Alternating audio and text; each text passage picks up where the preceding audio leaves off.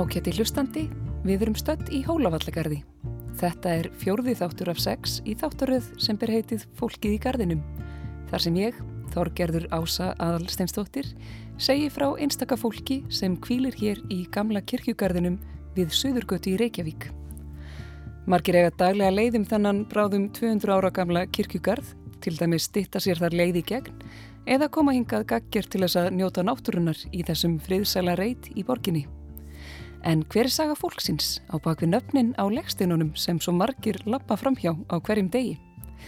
Sumir veita þeim kannski litla aðtikli á meðan aðrir, eins og ég, geta glemt sér tímunum saman við að virða þá fyrir sér, lesa nöfnin og velta fyrir sér lífi einhvers fólks sem flest var uppi fyrir meira en hundrað árum síðan. Í síðasta þætti var fjallað um skáldkonur og tvípressistur sem yfirleikturinn nefndar í sömu andrá og í þessum þætti verður staldraði leiði tvekja sískina sem alla efi voru einstaklega samrýmt. Benedikt Sveinsson Þingmaður og Þorbjörg Sveinstóttir Ljósmóðir kvíla bæði nálagt suðurgötunni sunnan við kluknaportið í miðju gardsins. Leiði Þorbjörgar fann ég á augabræði en var eiginlega orðin sannfærðum að minningarmark Benedikts hefði reynlega horfið með tímanum eða að það hefði bara farist fyrir að láta reysa það. Á endanum kallaði ég út Heimi Janusarsson umsjónarmann Garðsins og hann gæti vísað mér á látljósan granítstein og skrapað af honum skóvirnar sem skeiðu á nafnið. Ég hafði heldur betur leitað langt yfir skamt því Legstein Benedikts reyndist bara standa við hlið Legsteins Þorbjörgar. Já, Æðislegt. takk fyrir að koma. Er æðislegt þetta. Skildi ganga. Já, ég var sko búin að lappa marga, marga ringi og held ég búin að skoða þennan stein líka en gæti ekkert lesið á hann. Það er ekki með svoleið steinar sem maður þarf að skoða. Ég meit. En hér er sko Benedikt Sveinsson, síslumadur. Og eitthvað ártal sem er eiginlega horfið. Já, þegar þið er. Ég er þarna, Já. 1900 eitthvað. Þarna. 1899 veit ég að stendur þarna en það er, það er ekki hægt að lesa það. Ég sé ekki. Já, það er bara vennilega krosstátt hérna. Það er aldrei skrítin sko uppsetningi Benedikt og Sveinsson. Maður byrja, þá heldur maður að þetta sé bara svona. Já, Vennilega eru þau annarkvært miðjusett. akkurat. Ég hef það jafta framann. Mjög sérst að hafa það svona. Já, einmitt. Svolítið svona listrænt, smá svo Það- ljóð. Það er svona öðruvísu uppsetning allavega. Já.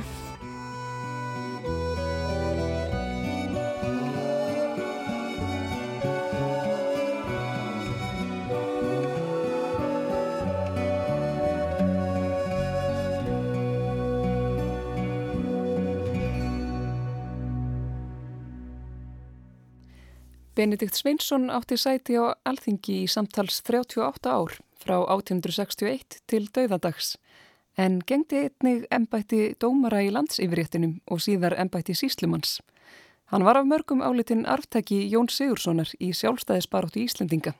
Benedikt Sveinsson Assessor er meðalmaður á hæð, grannur, grannleitur eins og bólugrafin, rokkið svart hár, snör augu og svört og eins og eldur brenni úr augum hans.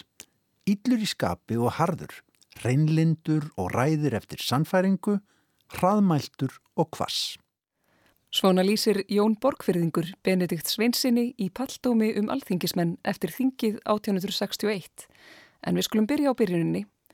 Benedikt Sveinsson fættist að Sandfelli í Öræfum og var einn átta sískina prestsjónana Sveins Benediktssonar og Kristínar Jónsdóttur.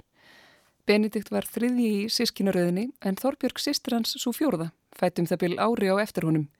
Nákvæmir fæðingardagar sískinana eru nokkuð á reiki vegna þess að kirkjubækur frá þessum tíma hafa glatast, en líklega er Benedikt fætur í janúar 1826. Sér að sveini föður hans er líst sem nokkuð misefnuðu manni þrátt fyrir göfugt ættirni sem samanstóð af prestum langt aftur í ættir. Sagt er að hann hafi verið gáfumadur, tilfinningaheitur og örgeðja, lítill búmaður, fátækur og drikkfeldur. Sögur fóru líka af því að hann væri skikn og fyndi á sér feigð manna. Hann fær ekki fögur eftirmæli í prestaæfum Sigvarts Borgfyrðings, en þar segir Sér að Sveitn var ókurteis maður, lít prestlegur í háttum og pókaprestur. Kristín, móðir Benedikts og eiginkona Sveins, var ekki eins ættstór og eiginmaður hennar. Hún hafi verið vinnukona á bestastöðum þar sem Svein gekk í skóla og namn til prests. Hann hlaut þó ekki embættispróf strax að loknu námi vegna þess að hann hafði barnað áður nefnda vinnukonu sem síðar varð eiginkona hans. Kristínu er líst sem tápmikilli konu og skörurlegri og hvarvetna þótti mikið að henni kveða. Það veitti sannlega ekki af skörungskapnum miða við lýsingarnar á eiginmanni hennar og er hún sögð hafa haft búsfóráð þeirra hjóna. Prestsheimilinu er líst sem ömurlegu drikkjumannsheimili en kærleiki og umhyggja húsmóðurinnar er þó sögð hafa vegið upp á móti hátterni klerksins. Meðan hann lá hugssjúkur í bóli sínu eða ránglaði fullur um bæin fengu börn hans ástúð og aðhald frá móður sinni og í sístkynahópnum var óvenju mikil samstæða. Prestsjónin glýmdu við fátækt og höfðu lítil ráð á að senda börn sín í skóla en Benedikt þótti bráðgreindur og þegar hann var að nálgast tvítugt hlaut hann ingöngu í lærðaskólan í Reykjavík og var hann sá eini af sínum bræðrum sem fekk að fara í skóla en þetta var fyrirstofnun kvennaskólans svo sýstur hans hlutu auðvitað heldur ekki skólagöngu. Benedikt lauk þó ekki stúdensprófi heldur sagði sig úr skóla um vorið 1850 í kjálfar Periatsins svokalla sem sagt var frá í öðrum þætti fólksins í gardinum. Fráfall föður Benedikt sem höstið 1849 og erfiðar fjölskyldaðastæður kunna þó líka að hafa einhverju ráðið um brottkvarf hans úr námi. Benedikt reðst til heimiliskenslu norður í Skagafyrði hjá Einari Stefánsinni umbóðsmanni á Reynistað og eigin konu hans Ragnheiði. Heimili þeirra var mannmart og mjög ríkmannlegt en Benedikt var falið að sinna kenslu engasónar þeirra, hins 15 ára gamla Stefáns En auk hans áttu þau eina dóttur, Katrínu, sem var nýjára þegar Benedikt kom á reynistað. Mikil og góð vináta tókst milli hans og húsbóndans Einars sem hafði miklar mætur á þessum bráðgreinda unga manni. Eftir tveggjára dvöl á reynistað býðist Einar til þess að styrkja Benedikt til náms, svo hann geti lokið stútensprófi og haldi þaðan til laganáms í Kaupmannahöfn. Með einu skilir þið þó, að Benedikt trúlofist engadóttur hans Katrínu sem þá var 11 ára. Betra mannsefni þótti einari umbóðsmanni hann ekki geta fundið fyrir dóttur sína og myndi hún vera orðin gjafaksta þegar Benedikt leiki námi. Benedikt gengst við þessum skilmálum þrátt fyrir að hafa kannski fundist dáliti undarlegt að trúlefast barni. En Katrín litla þótti skýr og fríðilegs barn og líkleg til að verða góður kvennkostur.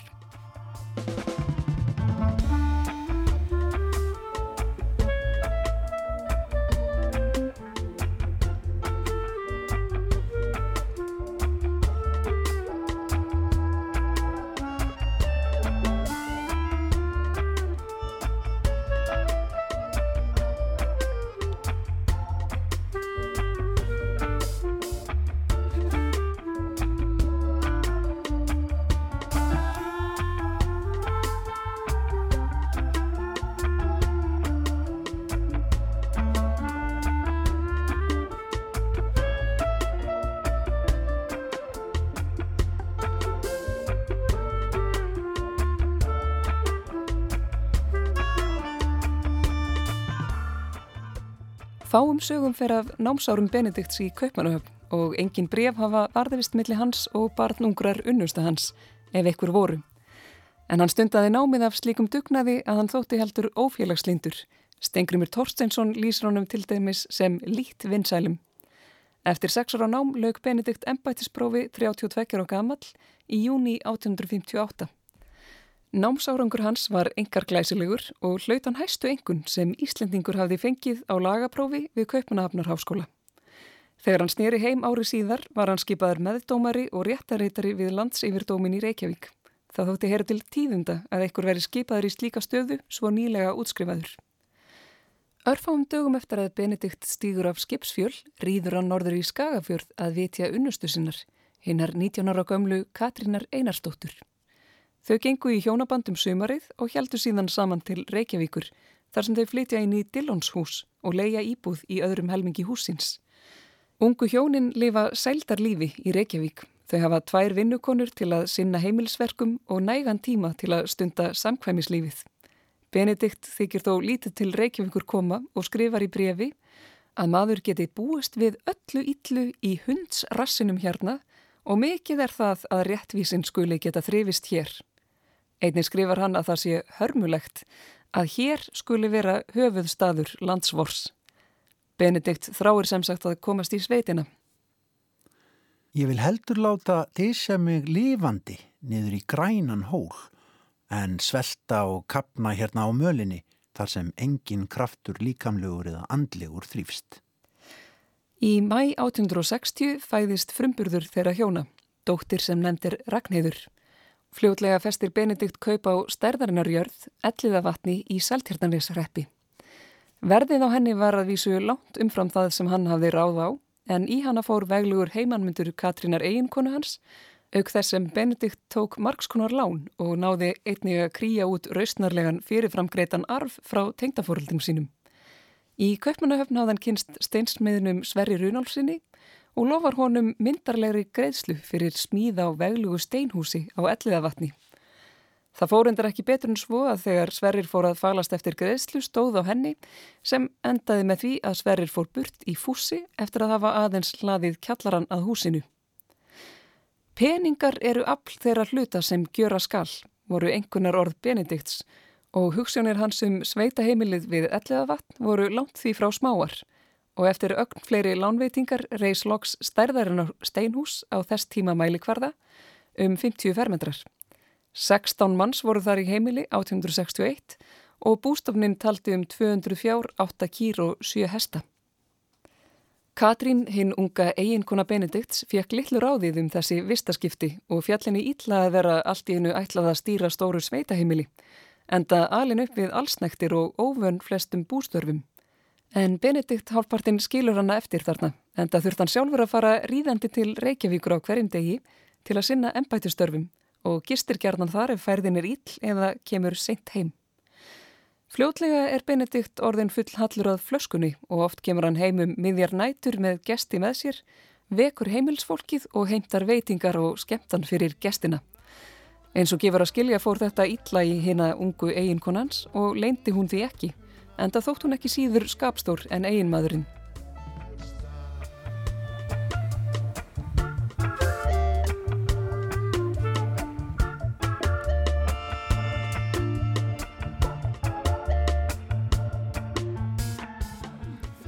Í júli 1862 fæðist annað barn þeirra hjóna, drengur sem nefndur var Sveitn og tveimur árum síðar annar drengur.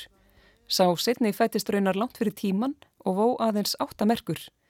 Því barni var vart hugað líf og þurfti Katrín að liggja í rúminu hjá litla drengnum í tvo mánuði til að halda honum hita. Þrátt verið svart útlitt brakkaðist þó drengurinn og átt eftir að verða merkismadur þegar framleiðu stundir. En þetta var auðvitað þjóðskáldið Einar Benediktsson. Fimm dögum eftir fæðingu Einars litla ben kom sendimaður ríðandi að elliðavatni með bref frá settum stiftamtmanni í Reykjavík. Í því er Benedikt flutt formleg viðvörun frá stjórnvöldum í Kaupmannahöfn vegna aðgerða hans í fjárkláðamálinu svokallaða, sem ekki verður farið náið út í hér en það var eitt mesta hitamál aldarinnar. Þorvaldur Tórótsen víkur aðeins að því í endurminningum sínum. Kláðamálið var þá mikið æsinga og hatusmál Af því leiti endalaus fundarhöld, rifrildi og háfaða, samdrykjur, útreiðar og fyllir í. Stundum riskingar því þá stóð brennivinsöldin einna hæst. Fjárhagsvandræði og drikkjuskapur Benedikts voru hjónunum við elliða vatn áfram deiluefni og heimilislífið var allt annað en friðselt þar. Þrátt fyrir það leggst Katrín í fjórða sinn á seng í september 1867 og fæðir stúlku sem skýrðir Kristín. Ári síðar stefjar ógefan að. Barnaveiki slæðir sér niður og heimtir líf Sveins sonar þeirra sem þá var sex ára gammal. Assessor hjónin eru harmislegin, skrifar Guðjón Fridriksson sakfræðingur og heldur áfram. Benedikt grætur eins og barn en Katrín harkar af sér. Sonarmisserinn skilur eftir opna und í brjóstum þeirra begja, und sem grær seint og aldrei til fulls. Sorgin megnar þó ekki að samena þau, hún dýfkar frekar gjána sem er millið þeirra. Það var svo að segja á allra vitorði að hjónaband Benedikts og Katrínar væri á leiði hundana. En frægar saga af því þegar Grímur Tomsen kom í heimsókn og var auðvitað slegið upp veistlu í tilöfni komu hans. Þegar líður á kvöldið spyr Grímur Katrínu gletnislega hvort það sé satt að hann Benedikt sé að við komin að eiðilegja sig og þar með hjónaband þeirra með drikkjuskapnum. En því svarar Katrín skýrt og skorinort. Herra Grímur Tomsen, þér hafið dvalið við hyrðir konunga. Yður hlítur að vera það ljóst að það væri jafn ósæmilegt af mér að svara þessari spurningu eins og það var af yður að spyrja hennar. Í júli 1870 fæðist þeim dóttir sem nefndir Sveinlaug eftir síninum sem lést tveimur árum áður. Í ágúst sama ár berst Benedikt konungsbreyf þar sem hann er sveiftur ennbætti án dóms og laga. Aðdraðandin var sá að hann neytaði að flytja til Reykjavíkur en svo lagabreiting hafi verið gerð árið áður að dómurum við yfirréttin bæri skilda til að búa þar. En Benedikt vildi auðvitað ekki flytja í hundsrassin sem Reykjavík var í huga hans. Að auki var hún gefið að sök að hafa vanrækt ímsar ennbætiskildur með margskonar óreglusemi og hyrðuleysi. Hann fekk þó 450 ríkistali á ári í eftirlaun en þegar þarna er komið sögu er Benedikt 44 ára. Benedikt tók þessu þó af nokkru æðurleysi og skrifar í brefi til Jón Sigurssonar að sér líði vel og hann ætli ekki að skæla í rassin á dönum. Heimilis ástandið er þó að vonum sleimt eftir að Benedikt hefur í þrjósku sinni mist ennbættið þrátt fyrir aðvaranir. Katrín er mjög ósátt við eiginmann sinn og yfir höfuð þá stöðu sem hún, höfðingjadóttilinn, er komin í. Svo lindinni heldur ekki við vinnufólkið og fardögum 1871 segir það allt með tölu upp vistinni á elliðavatni. Ef til vill hafa reymleikar líka valdið þessum uppsögnum en margar sögur fara af myrkfælni Benedikts og um skeið á að hafa verið svo mikill draugagangur á elliðavatni að ekkert af heimilisfólkinu svaf heilansvefn vikum saman fyrir draugslátum.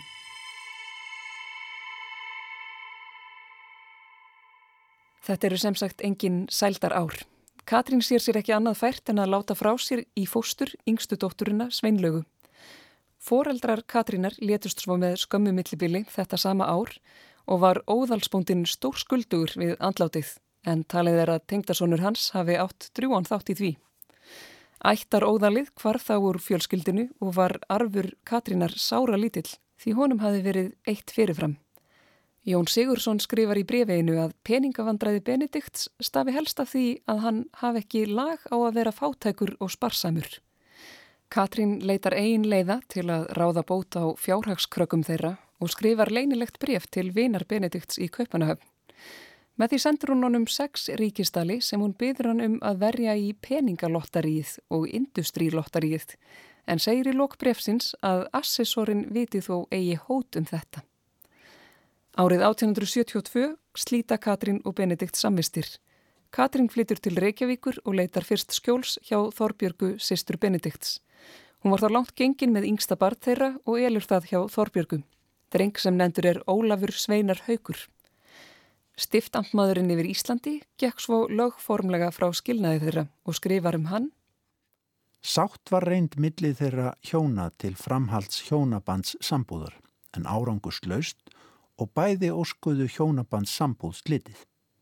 Með tilliti til fjárskipta með þeim tjáðust þau vera ásáttum meðfylgjandi skilmála að maðurinn tæki við búið þeirra með öllum skuldum sem á kvíla og að maðurinn skuldbundur sig til að borga henni 15 ríkistali mánadarlega frá 1. oktober þessa árs. Af sameinlegum börnum hjónana verða tvö hinn eldstu hjá manninum, tvö hinn hjá konunni. Aðstæða Katrínar var eftir þetta mjög báborinn og hefst hún um tíma við í íbúði í Torfbæ sem hún leigir í útjæðrið bæjarins.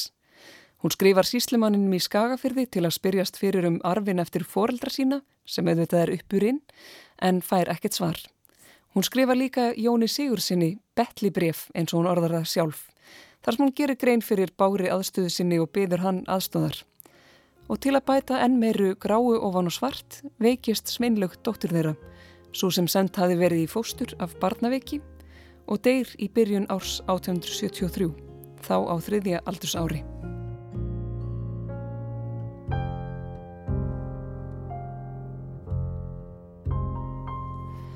Benedikt selur hins vegar elliðavatn og flytur norður í land þar sem hann hlýtur ennbætti síslumanns þingaenga.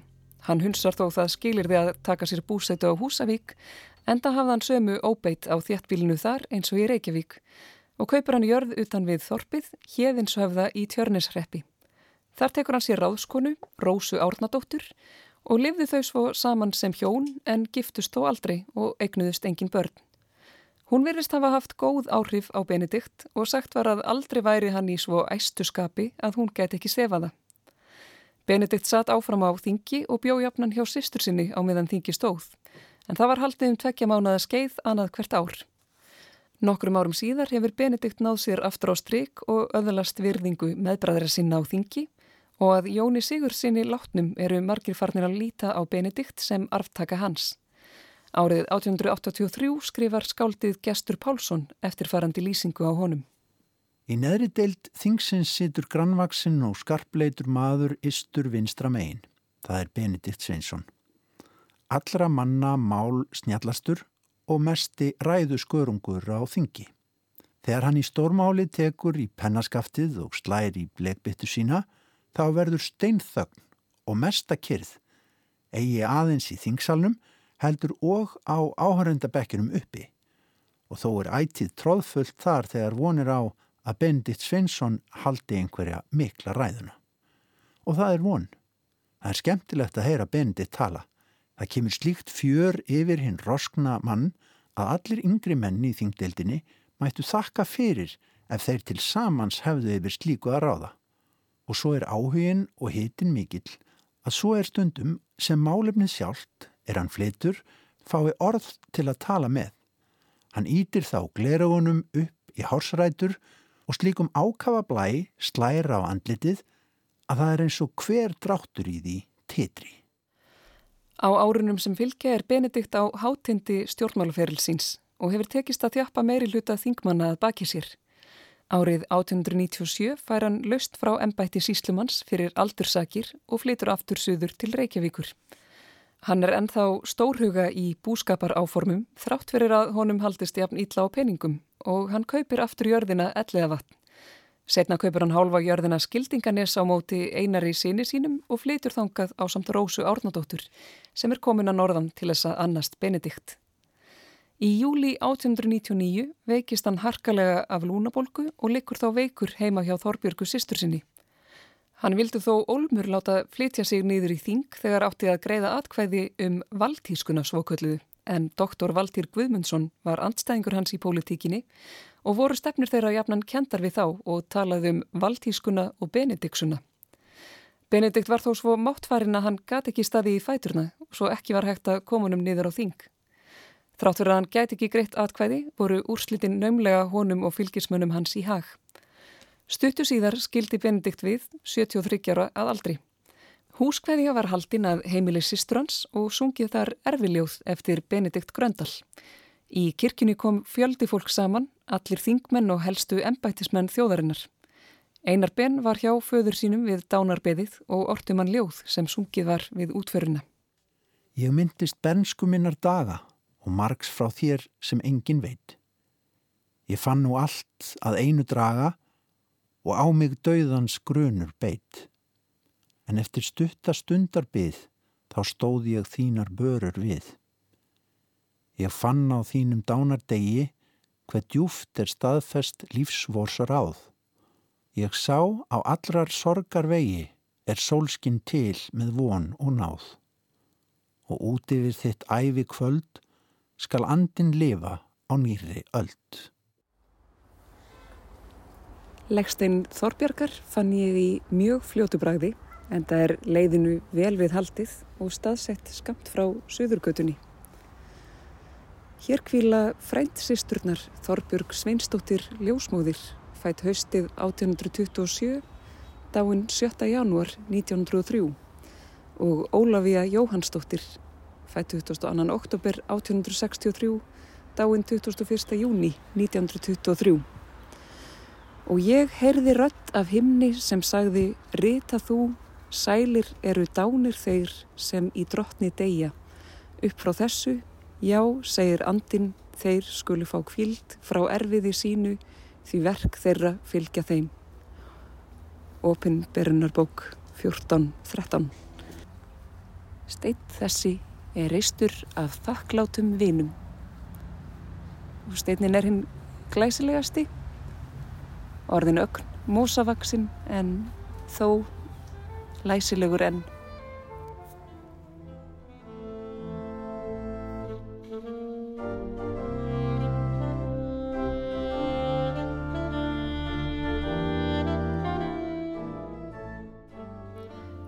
Æskustöðum Þorbjörgar hefur þegar verið líst svo við hefjum frásögnuna af henni þegar hún er á þrítúsaldri. Þegar Benedikt bróðurinnar trúlofaðist inn í fjölskyldu stórbóndans á reynistað kom það allri fjölskyldunni vel og týndustu þangað eitt af öðru á eftir honum. Þorbjörg fór þangað á samt móður þeirra um vorið 1853. Tveimur árum síðar fór Þorbjörg til náms í yfirsetu kvennafræðum í Kaupmannahöfn en hún samænæðist á Benedikt bróður sínum sem hafði haldið út í lagan á tveimur árum áður.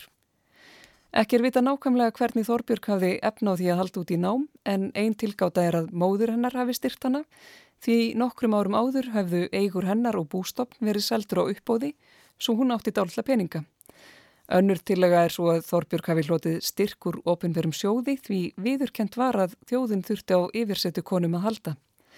Þriðja tillagan er svo svo að einar á reynistað velgjörðamaður fjölskyldunar og verðandi tengtafaðir bróðurennar hafi einnig styrt hana til náms líkt og benedikt. Ljósmóðurnámið var eina námið sem íslenskum konum stóð til bóða á þessum tíma og tók aðeins eitt ár.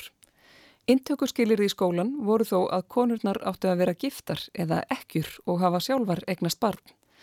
Þorbjörg uppfyldi kvorugt þessara skilirða en fekk þó ingöngu og útskrifaðist 29 ára gömul með fyrstu engun og hóf síðan störf sem ljósmóðir. Fyrst í Skagaferði en síðan í Reykjavík. Hún var skipið ennbætisljósmóðir í Reykjavík 1864 og gengti því starfi til 1902. Starfið var mjög erilsamt enda barsfæðingar tíðar á þessu tímabili. Um aldamótin voru íbúar ornir um 7000 en voru um 1500 þegar Þorbjörg hóf störf.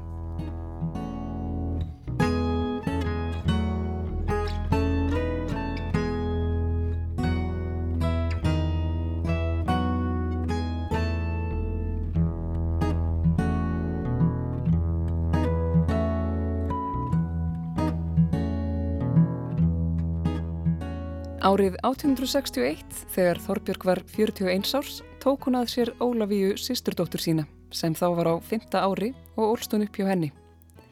Ólafíja skrifar í endurminningum sínum að stundum hafi Þorbjörg verið að heiman heilu sólarhingana og að hún hafi farið kvölds og morgna að vitja um sengurkonurnar sínar. Þær og litlu börnin þeirra áttu hjarta hennar, skrifar hún, en heimilið hennar átti það líka og amma og ég. Allir áttu það sem þurftu á liðsynni hennar að halda og landið hennar átti það. Einlega átti allur heimurinn það, svo langt sem hún þekkti þarfir hans. Þorbjörg bjó á samt móður sinni og fósturdóttur í litlum steinbæ sem yðurlega var kallaður Toppukott við skólaverðustík 11 þar sem nú er stór bygging sem lengi hýsti Sparisjóður Reykjavíkur en í dag er þar meðal annars kaffihúsið og bókabúðin Eymundsson. Stundum byggu nemar á heimili Þorbjörgar sem einnig var helsti söðupottur umræðina um þjóðmálinn. Fridrik nokkur Guðmundsson, vinur Benedikts, lísti eitt sinn heimilisbragnum á skólaverðustíknum þegar hann kom að vitja Benedikts meðan hann daldi hjá sýstur sinni. Í þessu húsi var fjöldi af fólki og allt á flegi ferð. Húsið var fullt af andlegum fossaföllum, svo meinlausar ungmegar frá efstu jökuldölum, stattar þarna til að læra yfirsetufræði, flutu nú kafrjóðar á bóðaföllum andlegar útþenslu yfir velferðarmálum lands og þjóðar. Naumast hafði hurðin verið lögð aftur og eftir mér þegar ég tókst á loft og sogaðist af mælskuríkum sannfæringakrafti húsfreyjunar. Þrátt fyrir mikið álag í ljósmáðurstarfinu aftræði það síst Þorbjörgu frá því að láta mikið að sér kveða í þjóðfélagsmálum. Sagt er að hún hafi þótt með afbreyðum mælsk og stundum heiftúðug og óvægin. Þó hún get ekki sjálf bóðið sig fram kom hún inn á mörg heimili í bænum sögum starfsíns og var ekki hrætt við að viðra skoðanir sínar þar frekar en annar staðar. Þannig var talið að hún hefði einna mest áhrif á hverjir kæmustinn á þing og hverjir ekki. Hún gæti verið mjög stórirt og hefur Haldur Lagsnes til dæmis eftir henni um eitt frambjóðanda að frekar vildi hún sjá fleiti fullan hlandkopp ferðan inn á alþingi en að tiltekin maður veldist þar inn. Þorbjörg hikaði ekki við að taka til máls á þingmálafundum þar sem annars týðkaðist ekki að konur töluðu. Í þjóðólfi 30. júni 1893 er slíkum fundi líst og segir þar meðal annars. Þess er sannlega verðt að gjalda að hinn eini kvennmaður er fund þennan sótti Þorbjörg yfir setu kona Sveinsdóttir, sýstir Bendits alþingismanns, hjælt þar snjallaræðu í stjórnarskrármálinu gegn þingmanninum er vildi láta málið sofa um óákveðin tíma. Luku fundarmenn lofs orði á þá ræðu með lofaklappi, eflust ekki engöngu af því að kvennmaður átti í hlut, heldur sakir þess hver ræðan var skorinorð og smellin. Þorbjörgu er líst sem hári konu, grannvaksta og kvikri í reyfingum, sveipmikilli og kvenna djarflegust í framkomu. Þegar hún var á skautbúningi sem hún skartaði á hátíðarstundum var hún sögð líkjast frönskum hershöfðingja sem lengi hafi stýrt mannmörgum herjum, ekkert hafi vantaði nema korðan hefur meðal annars verið skrifað um hana. Hugsanlegt er að íslenskum karlpenningi 19. aldarinnar hafi eftirvill staðið dálítil ókn af svona gjörfulegum kvennmanni, en Þorbjörg giftist aldrei. Hún átti þó í stuttu sambandi við Benedikt Gröndal þegar bæði voru komin yfir miðjan aldur og bygguð þau saman um tíma. Mattias Jokkumsson greinir frá stuttri heimsók til þeirra í endurminningum sínum. Þau hafðu þá flutt saman og skildi hún stýra húsi hans hef ég sjaldan skemmt mér betur en þann klukkutíma því að stofan leka á þræði af fjöri og andríki og tók þó út yfir gladvær þeirra Þorbjargar og Gröndals.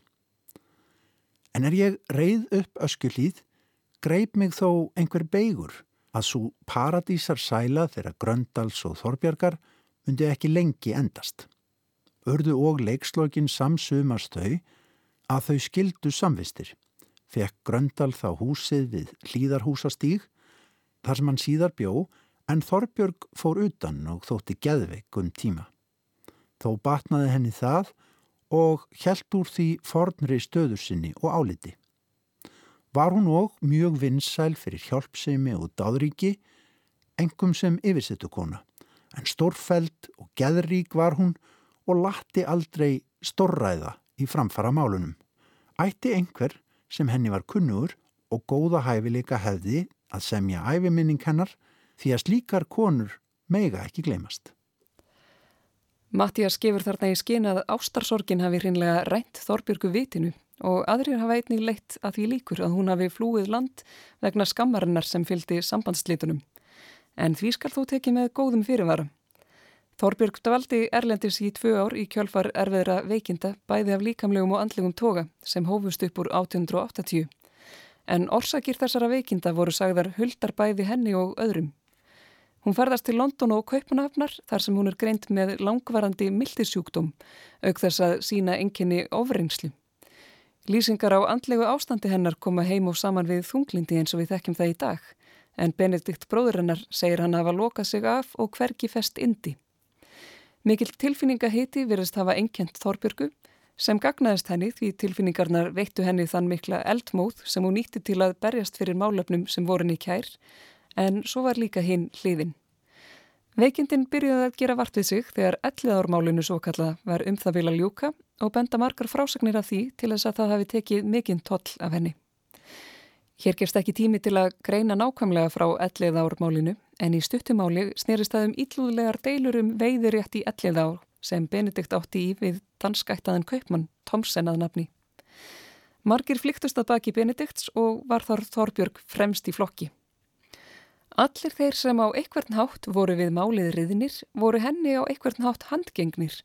Það voru fortölur hennar sem hafa ráðið flestum ef ekki öllum kistubrótunum skrifar Guðmundur Danielsson um þetta mál. Með kistubrótunum er átt við skemdarverk sem unnin voru margsinnis á veiðigildrum sem áður nefndur Tomsen hafði komið fyrir í ánni.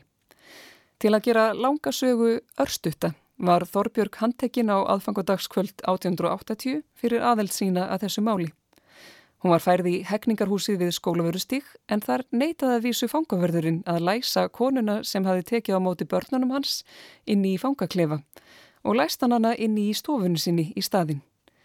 Tveimur dögum síðar fór Mattias Jokkumsson að leita Þorbjörgar vegna nýfætt spartsins og veikrar konu en greip þá í tómt. Braust ég óðara inn til hennar í þinghúsið, skrifar Mattias. Leit hún þá upp af fletinu þar sem hún lá og umkunarlegri mannsmynd hefði ég aldrei séð því að allt andlitið var bólgu hella af heimakomu. Svon er nú komið fyrir mér, sagði hún sárveikum rómi. Verið þér róleg, útskulu þér óðara, sagði ég og áður en byrti hafði hún fengið laust, þó ekki fyrir en ég vakt upp landshafingjan og fekk skipun hans að henni skildi óðara sleft. Eins og framkemur í lýsingum Mattiasar er Þorbjörg þarna orðin mjög veik. Frelsisviftingin og málaferlin sem fyldu tóku svo sinn toll á henni og andleg og líkamleg helsa hennar geldur fyrir. Einu og hálfa ári síðar er dæmt í málinu og Þorbjörg skikkuð til að greiða 40 krónur eða sitja 12 daga í fangelsi. Málinu var áfríðað til hæstaréttar og sektinn felt niður en fangilsisvistin ekki. Þorbjörg var þó náðuð af konungi áður en henni gafst tóm til að sæta fangavistina.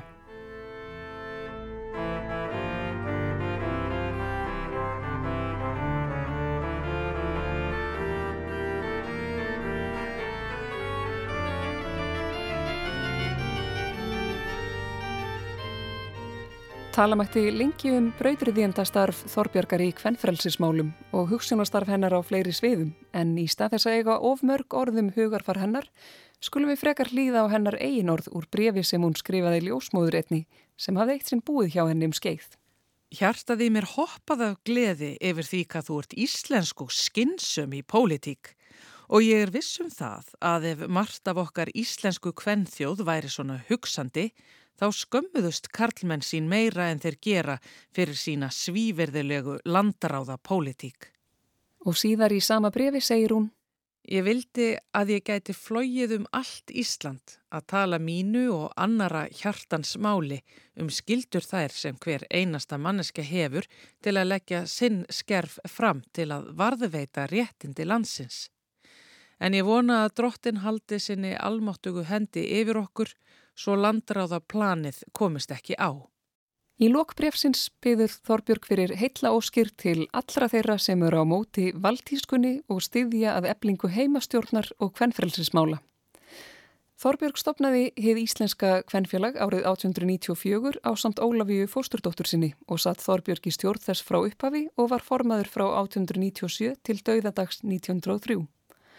Eitt af þeim baráttum málum kvennfélagsins var stopnun háskóla hér á landi sem Benedikt bróðir Þorbjörgar barðist líka fyrir. Auk háskólamálsins var helsta markmið félagsins að stuðurlað aukinni mentun kvenna og réttindum þeirra. Talið er að Þorbjörg hafi samið lög félagsins sem segja tilgang þess vera að sérstaklega auka réttindi kvenna á Íslandi og að glæða áhuga þeirra fyrir því að gæta fengina réttinda og hagnýta sér þau. En fremur að ebla menningu kvenna með samtökum og góðum félagskap og lokum segir að félagið vilji styrkja allt það er horfir til framfara í landinu og ræða þau mál sem efstir á dagskrá þjóðarinnar og vinnað framgangi þeirra. Frumvarfi um kjörgingi kvenna var andmælt á Alþingi 1893 með þeim rökum að menn töldu sig ekki vita hvort konur kerðu sig yfir höfuð um aukin réttindi. Við þessu brást kvennfélagið undir fórustu Þorbjörgar með undirskriftasöfnun til Alþingis um jafnretti í öllum málum á við Karla og sopniðust um þúsund undirskriftir sem er heilmikið með að við áður nefndan íbúafjölda bæjarins á þessum tíma. Var þetta fyrsta undirskriftarsöfnin sem kvennfélagið stóð fyrir en þær áttu eftir að verða fleiri á komandi árum. Þorbjörg lést 76 ára gömul 7. janúar 1903. Áður hún lést tók hún það fram að hún vildi enga blómsvega á leiðið sitt heldur vildi hún að fólk myndi frekar greiða í sjóð til styrtar fátækum sengurkonum í Reykjavík. Í sjóðin söpnuðist á bylinu 500 til 600 krónur en Ólafíða fósturdóttirinnar bætti við hann þar til hann nam um 1500 krónum. Úr því var stopnaður blómsvegarsjóður Þorbjörgar Sveinstóttur sem tók til starfa 1904 og starfaði marga áratvíi. Mattias Jokkumsson hvað Þorbjörgu lánt erfið ljóð en við látum fyrstu tvö erindin næja um sinn. Ertu dáin aldna vina mín, ösku hrúa sálar borgin þín? Liðin búin þessi þunga raun. Þú varst eldborg, nú ert orðin raun. Harða blíða, heita sterka sál, hjarta þitt var eldur, gull og stál. Ólíkt mér, en allt eins fyrir það, ertu gróin við minn hjarta stað.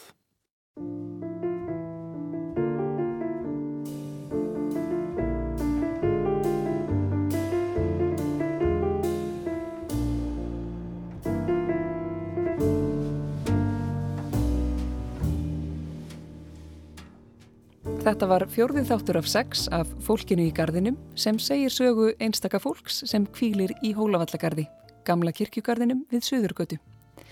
Í næsta þætti verður við til að leiða skáldana Sigurðar Breiðfjörs og Jóhanns Gunnars Sigurssonar.